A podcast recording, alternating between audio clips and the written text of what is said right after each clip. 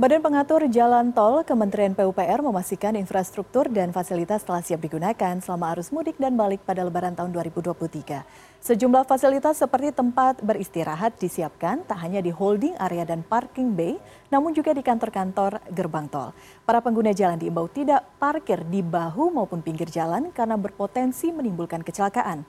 Para pemudik bisa beristirahat di kantor gerbang tol, holding area, parking bay sebelum melanjutkan perjalanan. Kami sarankan uh, masyarakat untuk uh, mencari lokasi yang lebih baik, uh, khususnya di gerbang kantor gerbang tol kami untuk bisa beristirahat di lokasi tersebut supaya uh, titik lelahnya uh, tidak sampai ke mereka sehingga bisa ada waktu untuk istirahat uh, dari masyarakat selama uh, perjalanan nantinya. Oh, jadi bisa terurai begitu ya Pak? Bisa terurai. Di rest area